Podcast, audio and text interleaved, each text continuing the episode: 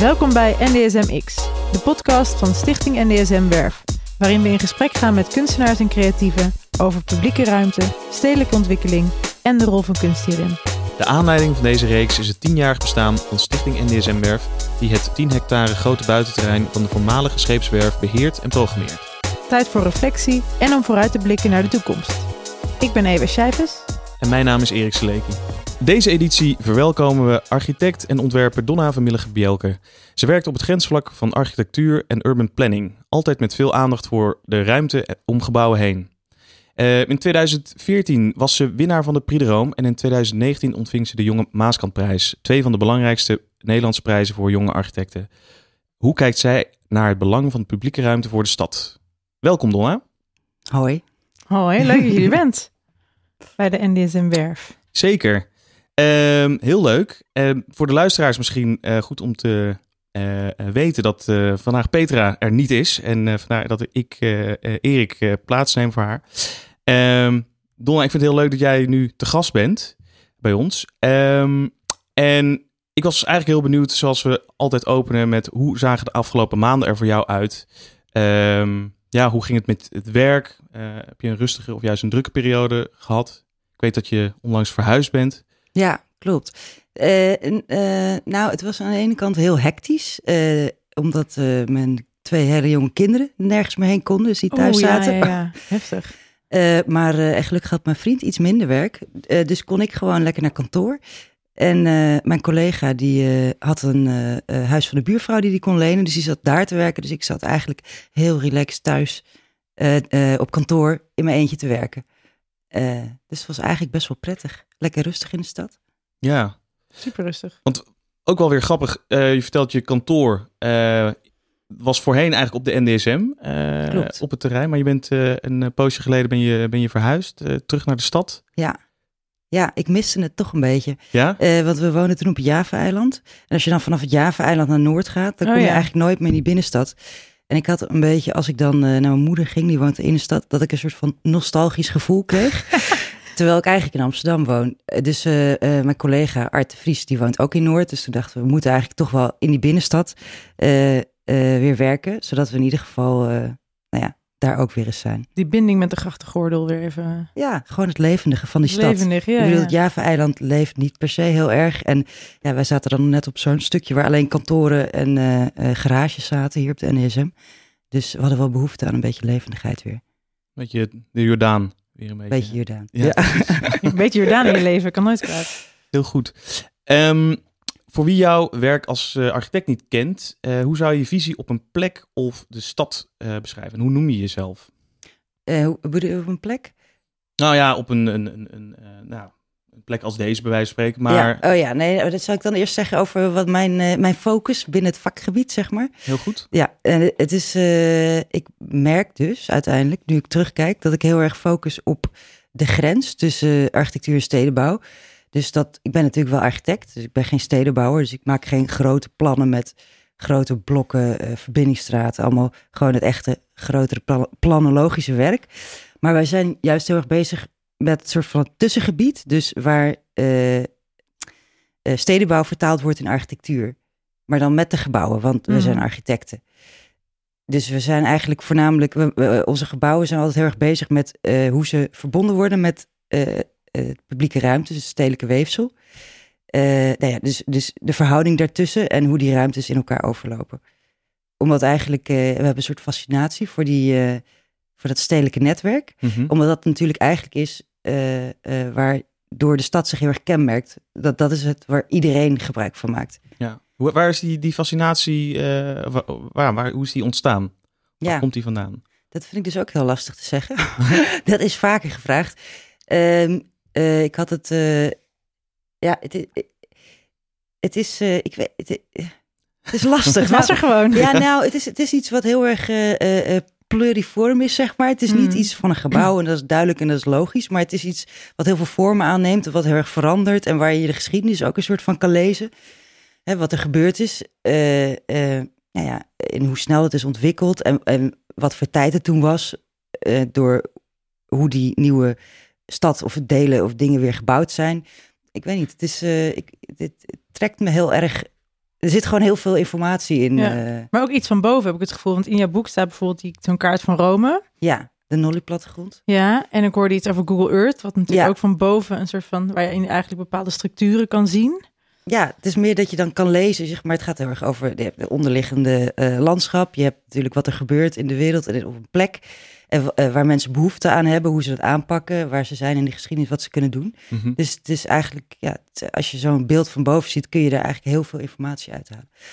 En ik weet niet, op de een of andere manier vind ik dat heel fascinerend, dat je overal van die dingetjes ziet die je soort van kan ontleden wat het is. En dan de geschiedenis, zeg maar, daar... eh, ja, geschiedenis, ja. Eh en voor een bepaalde ideologie die mensen dan een bepaalde tijd hadden. Ja. Dus dat. En eh, die Rome-kaart, eh, dat is een Nolly plattegrond. Ja. Dat is, eh, ja, ik weet eigenlijk, Erik, jij hebt het boek voor je, uit eh, 16, weet ik veel wat.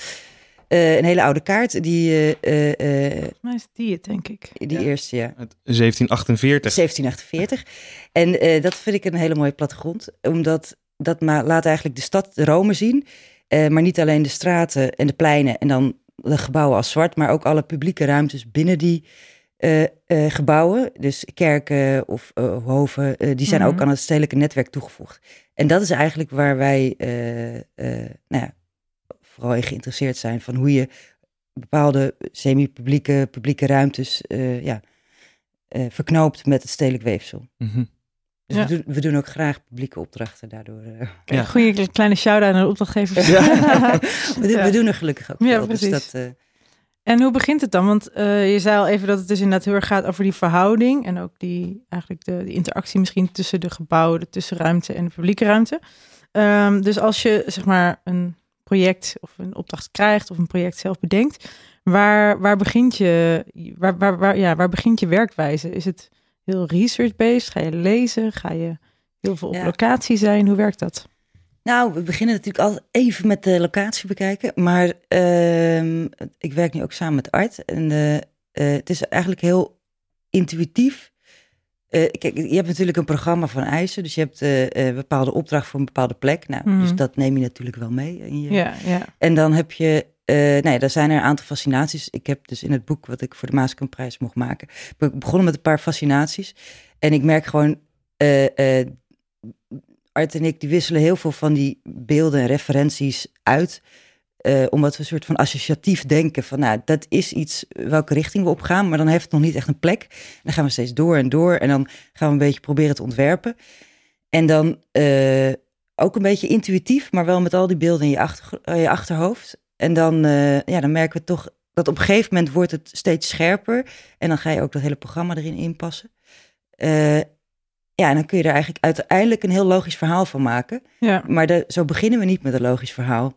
Dus het voelt ook als een gevoel eigenlijk wat je zoekt. Op, of dat ja, er het iets is heel klikt. intuïtief eigenlijk. van- Want ruimte is natuurlijk ook iets heel intuïtiefs. Eh, tenminste, nou ja, zo, zo zie ik het graag. Dat je Ja. kijk wat voor, wat voor soort ruimte je daar zou willen hebben. En kijk, soms, eh, eh, we hebben bijvoorbeeld ook dus Vertical, een eh, woningbouwproject Mhm. eh, nou ja, in Amsterdam bij Sloterdijk, samen met NL Architects. Daar is het, eh, kijk, dan moest ik gewoon een woontoren maken. Dus ik kan niet zeggen, ik ga een plein maken. En, eh, dus dan is het weer toch wel weer anders. heel concreet. eh, Ja, dus je kan natuurlijk niet voor een, eh, ja, een ontwikkelaar opeens, eh, die wil gewoon woningen hebben. ja. En, ja, eh, ja, ja. eh, maar we bijvoorbeeld bij, we hebben samen een opdracht eh, eh, doen we in Groningen voor de kunstwerf. Eh, dat is een opdracht van de gemeente Mhm. Groningen. En dat is dus een verzamelgebouw voor vier verschillende dans- en theatergezelschappen. En we kregen daar een envelop die eigenlijk heel gesloten was met een binnenhof eh, op een oud industrieel terrein. En eh, ja, op de een of andere manier voelde dat eh, niet passend. Het was allemaal heel erg gesloten en krap en op elkaar. Het was eigenlijk ook, de, de ruimtes die ze wilden waren te groot voor de plek. Dus toen zijn we eigenlijk begonnen met van, nou ja, eigenlijk zijn dit gezelschappen die ook in contact willen staan met de stad. Niet ergens bovenop afgezonderd zijn van de stad. Mhm. Maar ja, dansers, theater, die, die, eh, ja, die hebben gewoon publiek nodig Ja, om hun... Het eh, bestaat bijna bij de gratie van interactie. ja. Of, ja. de- zonder dat zijn ze. Maar het zijn natuurlijk het zijn oefenruimtes. Dus het is niet Mhm. dat er eh, publiek naartoe komt. Dus zo zijn we eigenlijk begonnen met dat gebouw een beetje uit elkaar te trekken. Zodat we dat, eh, nee, dat netwerk van die stad door konden trekken naar binnen met een centrale binnentuin. Eh, waardoor de eh, verschillende ehm, spelers elkaar konden ontmoeten. Maar de stad ook de spelers kon ontmoeten. En Ja. tegelijkertijd voeg je dus een stuk toe aan de stad.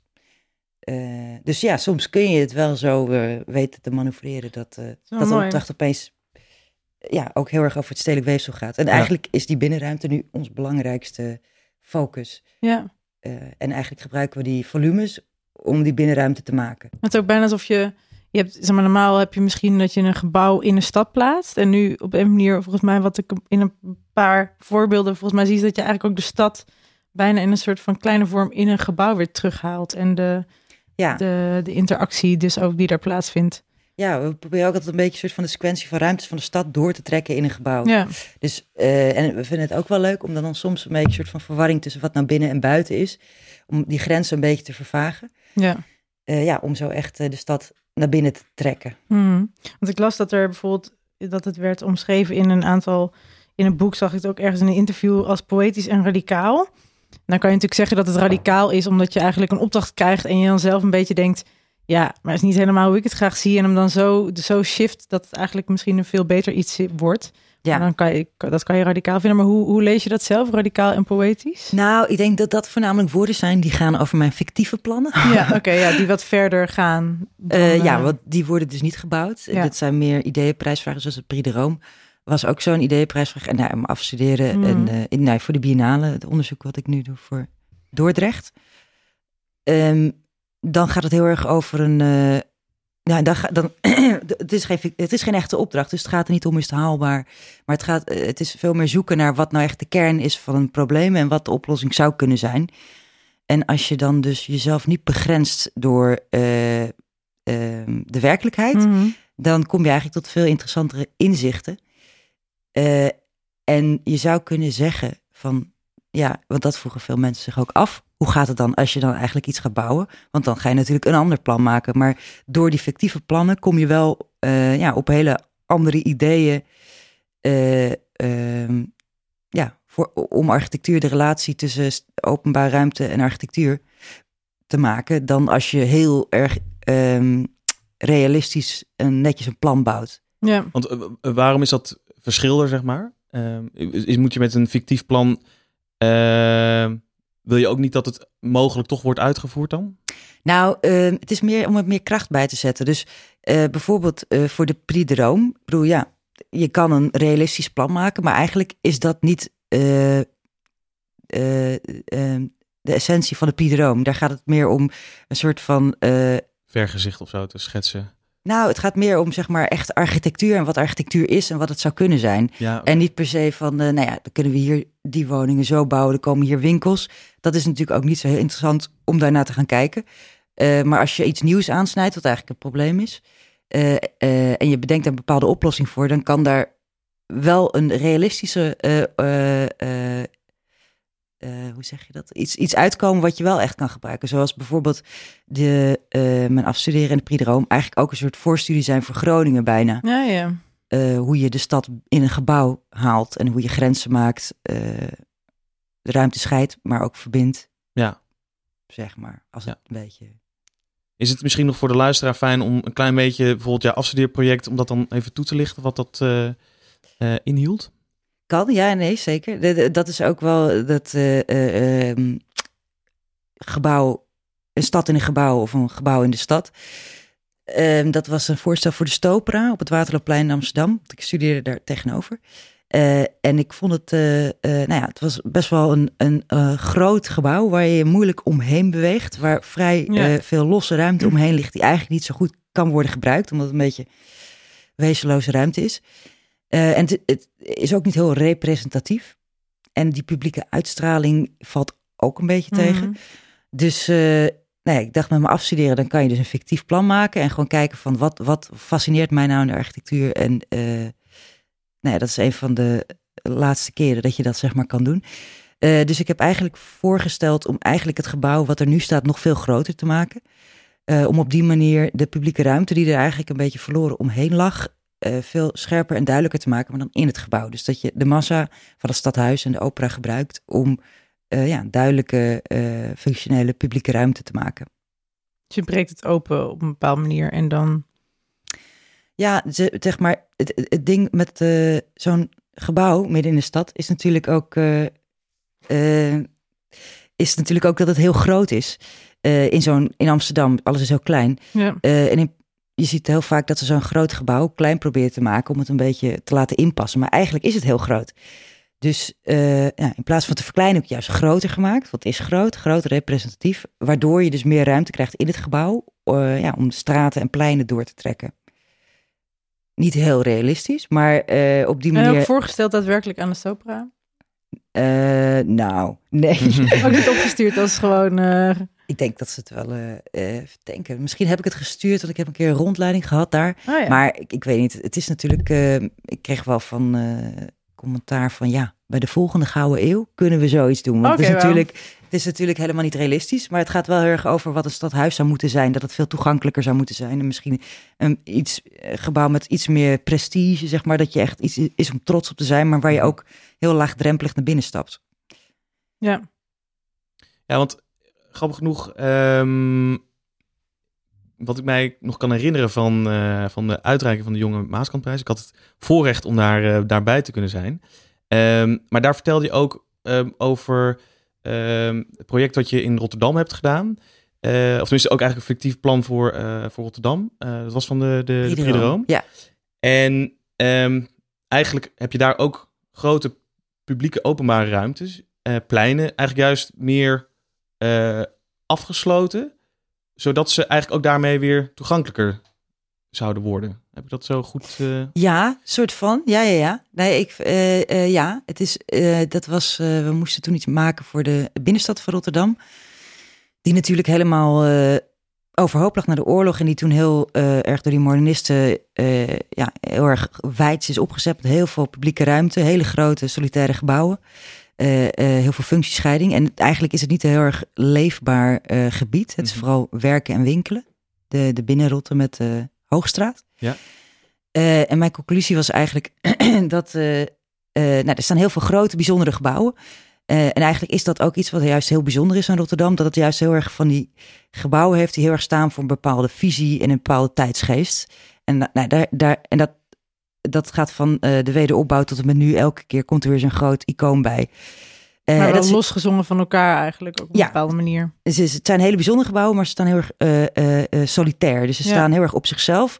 En ze claimen ook eigenlijk niet echt die publieke ruimte eromheen. Waardoor je een soort van wezenloze ruimte hebt. Een zee van ruimte met daarin gebouwen. En als je daar doorheen loopt, dan heb je ook niet echt het idee met wat voor soort ruimte je dan te maken hebt.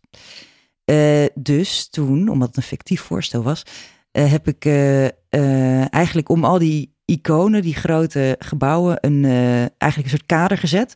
En soms was dat een arcade, gewoon echt puur om de ruimte aan te duiden. En soms was het een gebouw, ehm, ja, dat, of, of gewoon een muur. Om in ieder geval op die manier al die gebouwen eigenlijk hun eigen ruimte, publieke ruimte te geven. Waardoor ze die ruimte ook een beetje konden toe-eigenen. Eh, en al die kaders met daarin zeg maar een soort van eh, eh, icoon wat kan excelleren, wat daar bovenuit steekt. Tussen die kaders kwam er weer een heel nieuw netwerk, waardoor eigenlijk die iconen ook beter versmolten met eh, ja, de omgeving, zeg Een maar. verbindende factor of zo eigenlijk. Of een, Ja, dus je, je hebt een icoon, daaromheen komt een kader. En al die iconen met die kaders, die, daartussen komen weer allemaal Precies, verbindingsstraten. En die gaan dan weer relaties met elkaar aan.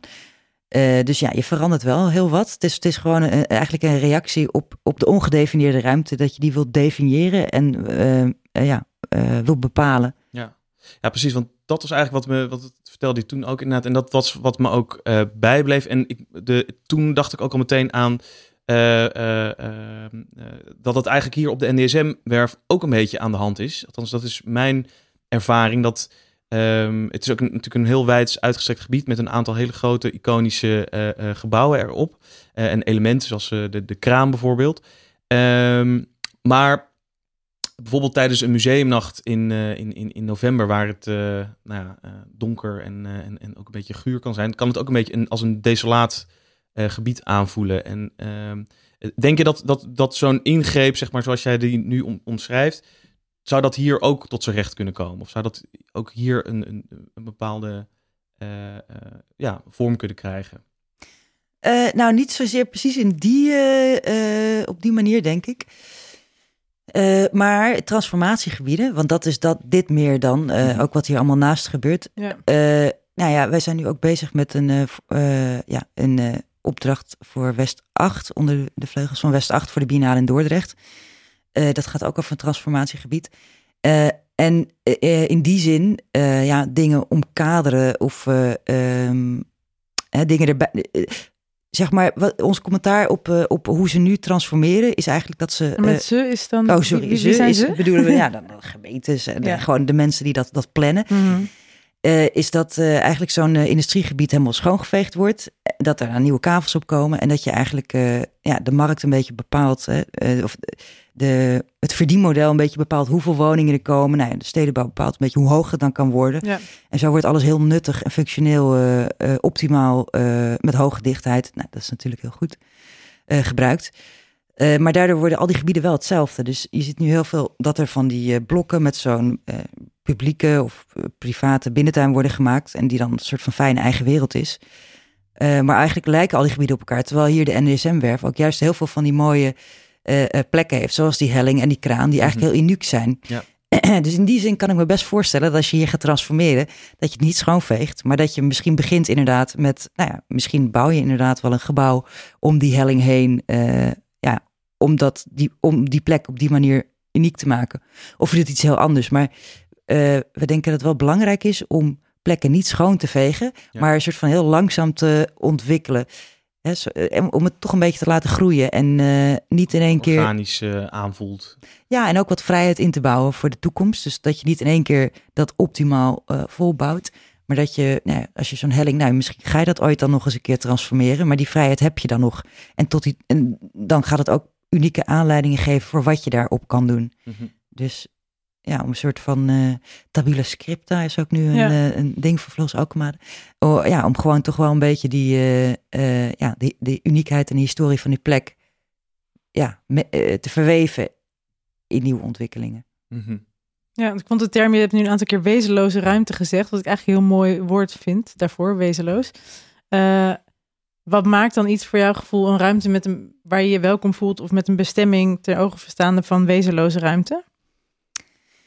Is een moeilijke Eh, vraag, maar waar ja, zit hem dat in? nee, Is dat een gevoel waar je, dat Nou, je hebt als je ergens komt? Of? Het is, is- zeg maar, ik vind het wel fijn om te weten, zeg maar, van mag ik hier zijn, zeg maar. Dus, Ja. eh, en er hoeft niet een bordje te staan van dit is publiek, maar gewoon meer dat je het idee hebt dat je niet, dat je, nee, dat je er mag zijn. En dat is gewoon. eh, kijk, in Rotterdam mag je natuurlijk ook, over, ook overal zijn, maar je hebt gewoon niet echt een idee waar je bent, Mhm. zeg maar. Ehm, en ik kan me ook voorstellen dat het hier zo wijds is. Maar het betekent niet dat wijds niet goed is. Ik bedoel, eh, Mhm. dit is ook heel duidelijk een, een, ja, een oud terrein... wat nu op een soort van creatieve manier wordt gebruikt. En dat zie je er ook heel duidelijk aan. Maar toen ik hier naartoe liep, toen dacht ik ook wel...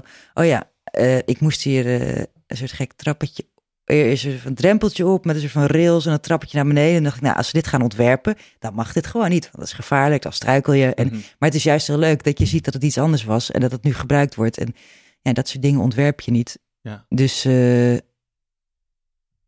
nou, wat was En als je dat dan zou transformeren, zou je zoiets dan laten staan? Of zou je dat dan eh, eh, weghalen, zeg maar? Ongeacht of het dan nu industrieel erfgoed is of niet, maar... Ik zou goede dingen altijd laten staan. Ja. En je ziet ook heel veel dat, dat als er dan zo nodig nog bijgebouwd moet worden, de- dan kun je dat ook heel vaak combineren of eh, nieuwbouw erbij of wat dan ook.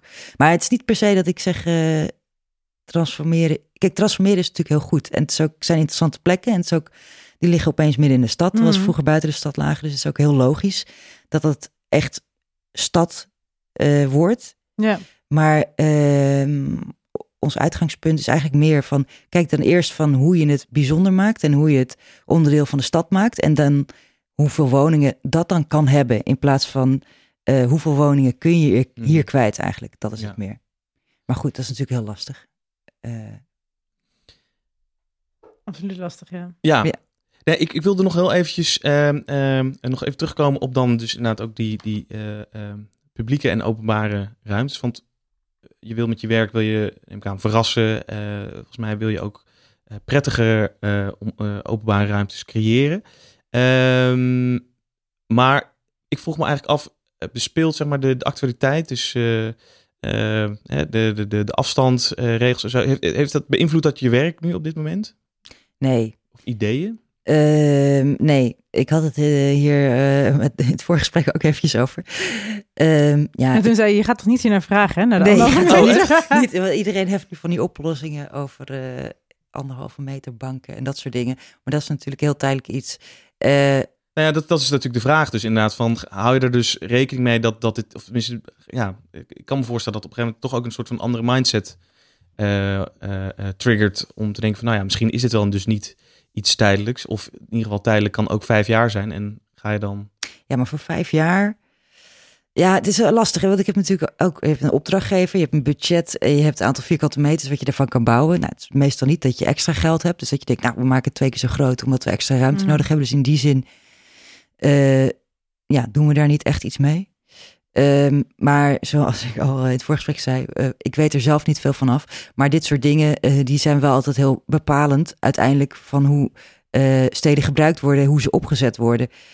Um, en nou had ik laatst met een professor of assistent-professor van de TU Eindhoven daarover. En die zei van ja, in Londen zijn er hele wijken anders gebouwd, omdat watervoorzieningen zo beter bereikbaar waren tijdens epidemieën of wat, dat soort dingen. Uh, of dat je misschien zo'n winkelstraat in Amsterdam, de Kalverstraat. Nou, dat is bizar druk. Uh, ja, als je dat dan echt in de toekomst minder druk, nou, dan moet je wat winkels weghalen of zo. Nee, ik kan me best voorstellen dat er uiteindelijk iets overblijft. maar nogmaals, ik ben geen, iemand, geen expert hierin. En ik mhm. denk dat zoiets, dat ga je uiteindelijk zien.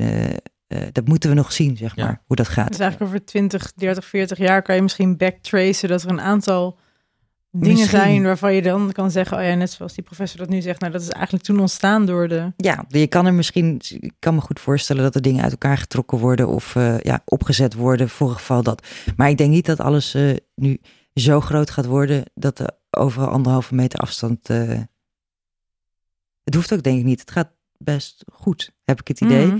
Met, uh, met tijdslot, sloten en dat soort dingen. Ja. Uh, het, is, nou, zeg maar, nou goed, ik weet, ik, ik weet niet hoe dat uh, verder gaat. Ja, nee, ik bedoel, ik, ik hoef daar ook geen, hè, ik kan me voorstellen, maar ik vroeg me gewoon af van, van is dat iets wat, waar je dan zeg maar rekening nu mee houdt, of dat je denkt van, oh ja, daar, daar moeten we misschien, weet je wel, maar ja, als dat niet, niet, niet zo is, dat kan ik me ook voorstellen hoor, maar was wel nieuwsgierig. Bredere trappen, andere banken. Dat nou, kijk, we, we, doen nu bijvoorbeeld uh, een bezoekerscentrum in uh, het Waterloopbos, het uh, Waterloopkundige Laboratorium.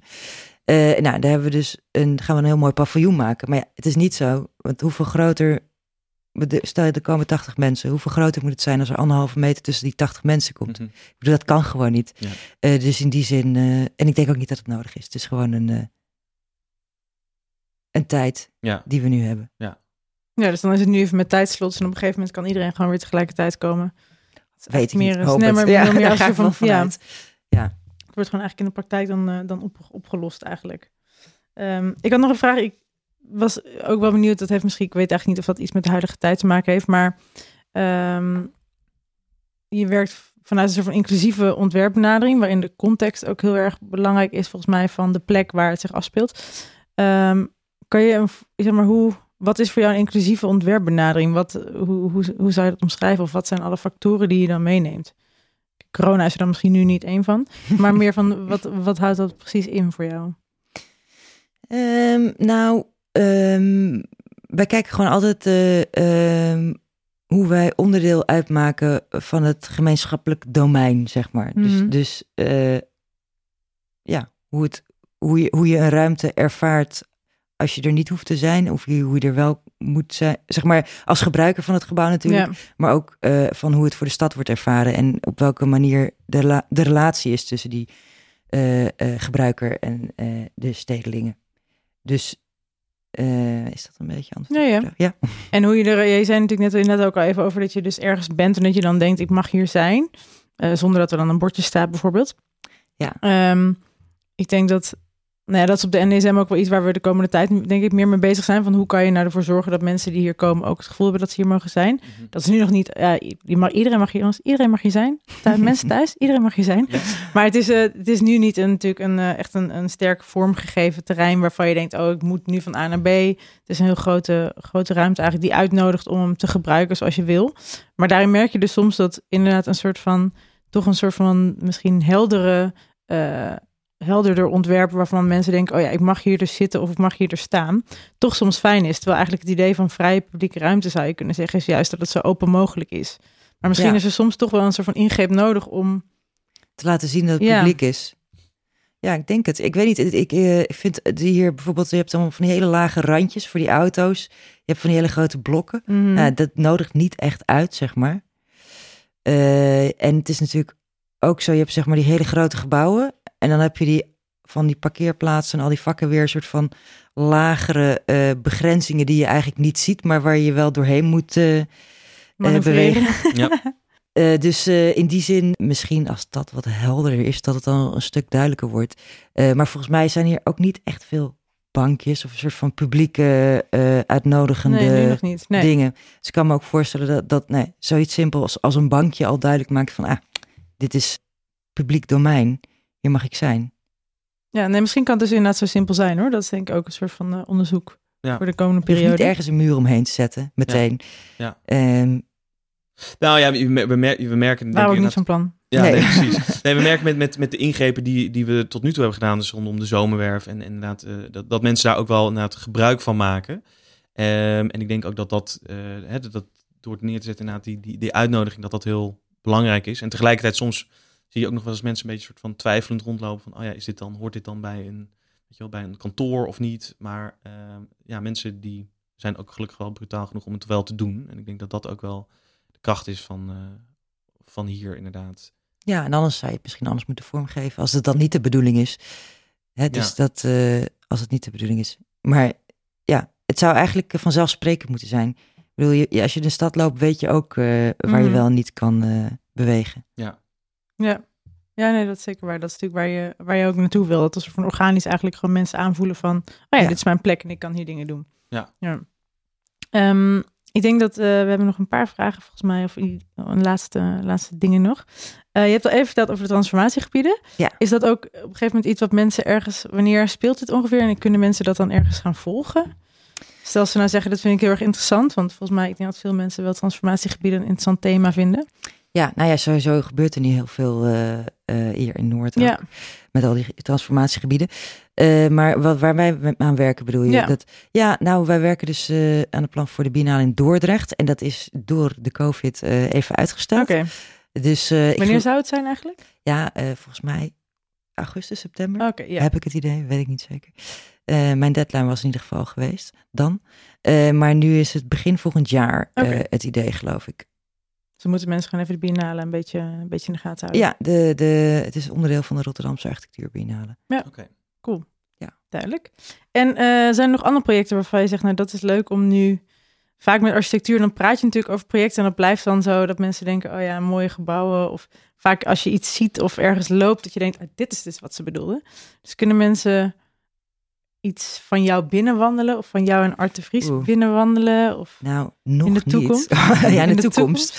Nee, eh, eh, nee, dat is dus ook mooi. We zijn nog niet zo heel lang eh, aan het werken. Dus ik ben 2014 inderdaad eh, voor mezelf begonnen. Ja. Nou, dat duurt dan even voordat het loopt. Hmm. En nu, er zijn drie, twee projecten eigenlijk in aanbouw. Dus de in Groningen, dat, eh, nee, dat gaat eh, heel rap. de dus kunstwerf? de kunstwerf. Dus dat zou eind eh, dit jaar, hopelijk begin volgend jaar, af zijn. Oké, spannend. Ja, en dan Sloterdijk. Ja. Nou ja, dat is dan een woongebouw, dus daar kan je zomaar binnenwandelen. Ja, dus daar, daar, daar zijn, dat zijn ze nu, nu ook aan het bouwen. Ja. Kan dus- je wel aan de buitenkant, want volgens mij daar is ook juist toch wel iets, juist in de gevel ook.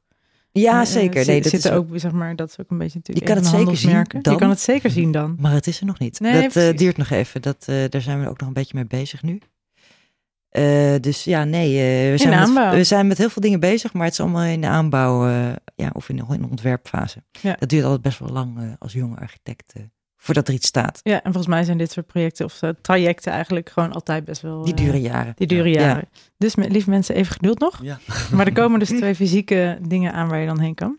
Ehm, en eigenlijk hebben we altijd nog als laatste vraag van eh, meer een persoonlijke vraag ook over je eigen, je eigen sanity.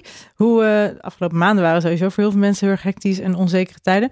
Heb jij zelf dat je zegt, nou dit zit een beetje, dit is een ritueel van mij of een podcast of een boek waar je zegt dat geeft mij altijd heel veel het heeft mij heel erg geholpen om, eh, om een soort van eh, enorm sane persoon te zijn. Ervan uitgaan dat je dat bent. Waar je je rust kan vinden, zeg ja, maar, ja, een soort van rustplek in je hoofd of iets. Het kan Ja. ook iets zijn wat je doet of wat je kijkt of luistert. Ehm, ja, nou, ik moet dus zeggen dat ik sinds die kleine kinderen in mijn huis wonen, dat ik eh, weinig plek voor sanity heb Ja. daar. Eh, maar ik, eh, nou ja, dingen zoals op een pontje staan eh, hier naartoe of eh eh, s ochtends naar mijn werk fietsen is ook heel fijn. We zitten aan een heel fijn hofje Oh ja. eh, in de stad. Dus dat zijn wel een soort van rustmomentjes dat je even dingen kan overdenken. Ehm, Ja, die pont werkt wel fijn, hè? die pont werkt wel, ja. Deze is best wel, ik kom niet van de pontstijger, dat Oh is ja. best kort. Ja. Vanaf de centraal heb je iets meer tijd. eh, Of omfietsen. Ja. Vanaf centraal gaan. ja, nee. Dus, Dus, eh, eh, eigenlijk is het ook vooral pak de kleine momentjes die je hebt. Want ik denk dat veel mensen wel die soort van drukte herkennen ook. ja, en je pakt toch snel je telefoon als je ergens zit en je hebt een momentje. Maar als je aan het reizen bent, eh, dan, eh, of zeker op de fiets, dan kan dat eigenlijk niet. Mag ook niet meer. Nee, Dus eh, beter van niet. beter van niet. Ja. Nee, en dat is ook wel fijn dat je dan eh, ja, die tijd neemt om even. Dan krijg ik ook altijd vaak ideeën, zeg Oh, maar, ja. dingen op een plek vallen. Ja. Eh, ja, of als je onder de douche staat of zo. Van dat soort momenten zijn vaak goed. Voor mij. Die paar kleine vijf minuutjes. Ik steeds die, die dode momenten zonder telefoon eigenlijk. eh, Ja, waar je geen telefoon kan pakken. ja. Maar ook geen mensen om je heen hebt. ja, precies. Ja, die zijn zeldzaam. Nee, die zijn, heel, die zijn heel zeldzaam. Ja, ik denk dat veel mensen daar echt heel weinig van hebben, van allebei. Ja. ja. Thanks voor dit eh, fijne gesprek. Ja, En. Dankjewel. Vond je dit nou leuk en eh, wil je meer van NDS en X horen, dan kan dat. Eh, je, kan ons abonneren, je kan je abonneren op onze podcast via Soundcloud, Spotify of de Apple Podcast Service. En als je ideeën of opmerkingen hebt, dan kan je ons ook altijd eventjes een kleine shout-out geven via redactie.ndsm.nl. Tot de volgende keer.